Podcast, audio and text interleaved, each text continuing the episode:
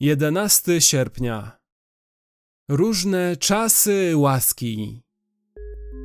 Modlimy się zawsze za Was, aby Bóg nasz uznał Was za godnych powołania i w mocy doprowadził do końca wszystkie Wasze dobre zamierzenia i dzieła wiary, aby imię Pana naszego Jezusa Chrystusa było uwielbione w Was, a Wy w Nim, według łaski Boga naszego i Pana Jezusa Chrystusa.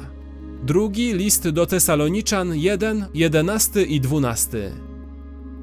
Łaska nie jest jedynie Bożym usposobieniem, aby wyświadczać nam dobro, gdy na to nie zasługujemy. Nazywamy to niezasłużoną łaską.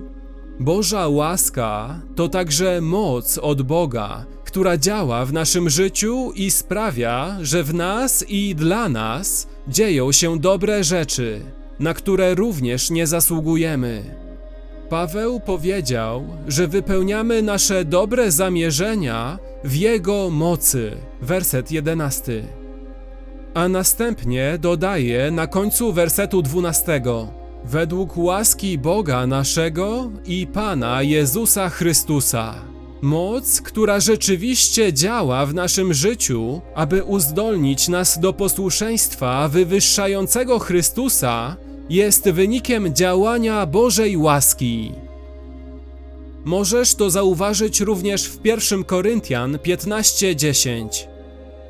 Z łaski Boga jestem tym, czym jestem, a łaska Jego okazana mi nie była daremna, lecz daleko więcej niż oni wszyscy pracowałem. Wszakże nie ja, lecz łaska Boża, która jest ze mną.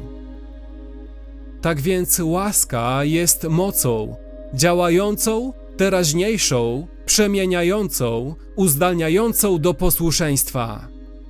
Dlatego ta łaska, wylana w mocy przez Boga ku Tobie w określonym momencie czasu, dotyczy zarówno przeszłości, jak i przyszłości.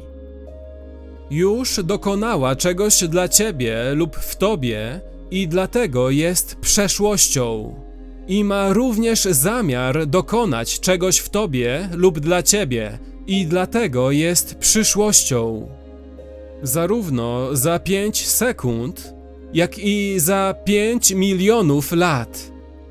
Boża łaska nieustannie spływa wodospadem teraźniejszości, niewyczerpaną rzeką płynącą do nas z przyszłości do wciąż powiększającego się źródła łaski w przeszłości. W przeciągu następnych pięciu minut otrzymasz podtrzymującą łaskę płynącą do ciebie z przyszłości. W to ufasz. I zgromadzisz następną pięciominutową wartość łaski ze źródła przeszłości. Za to składasz dziękczynienie.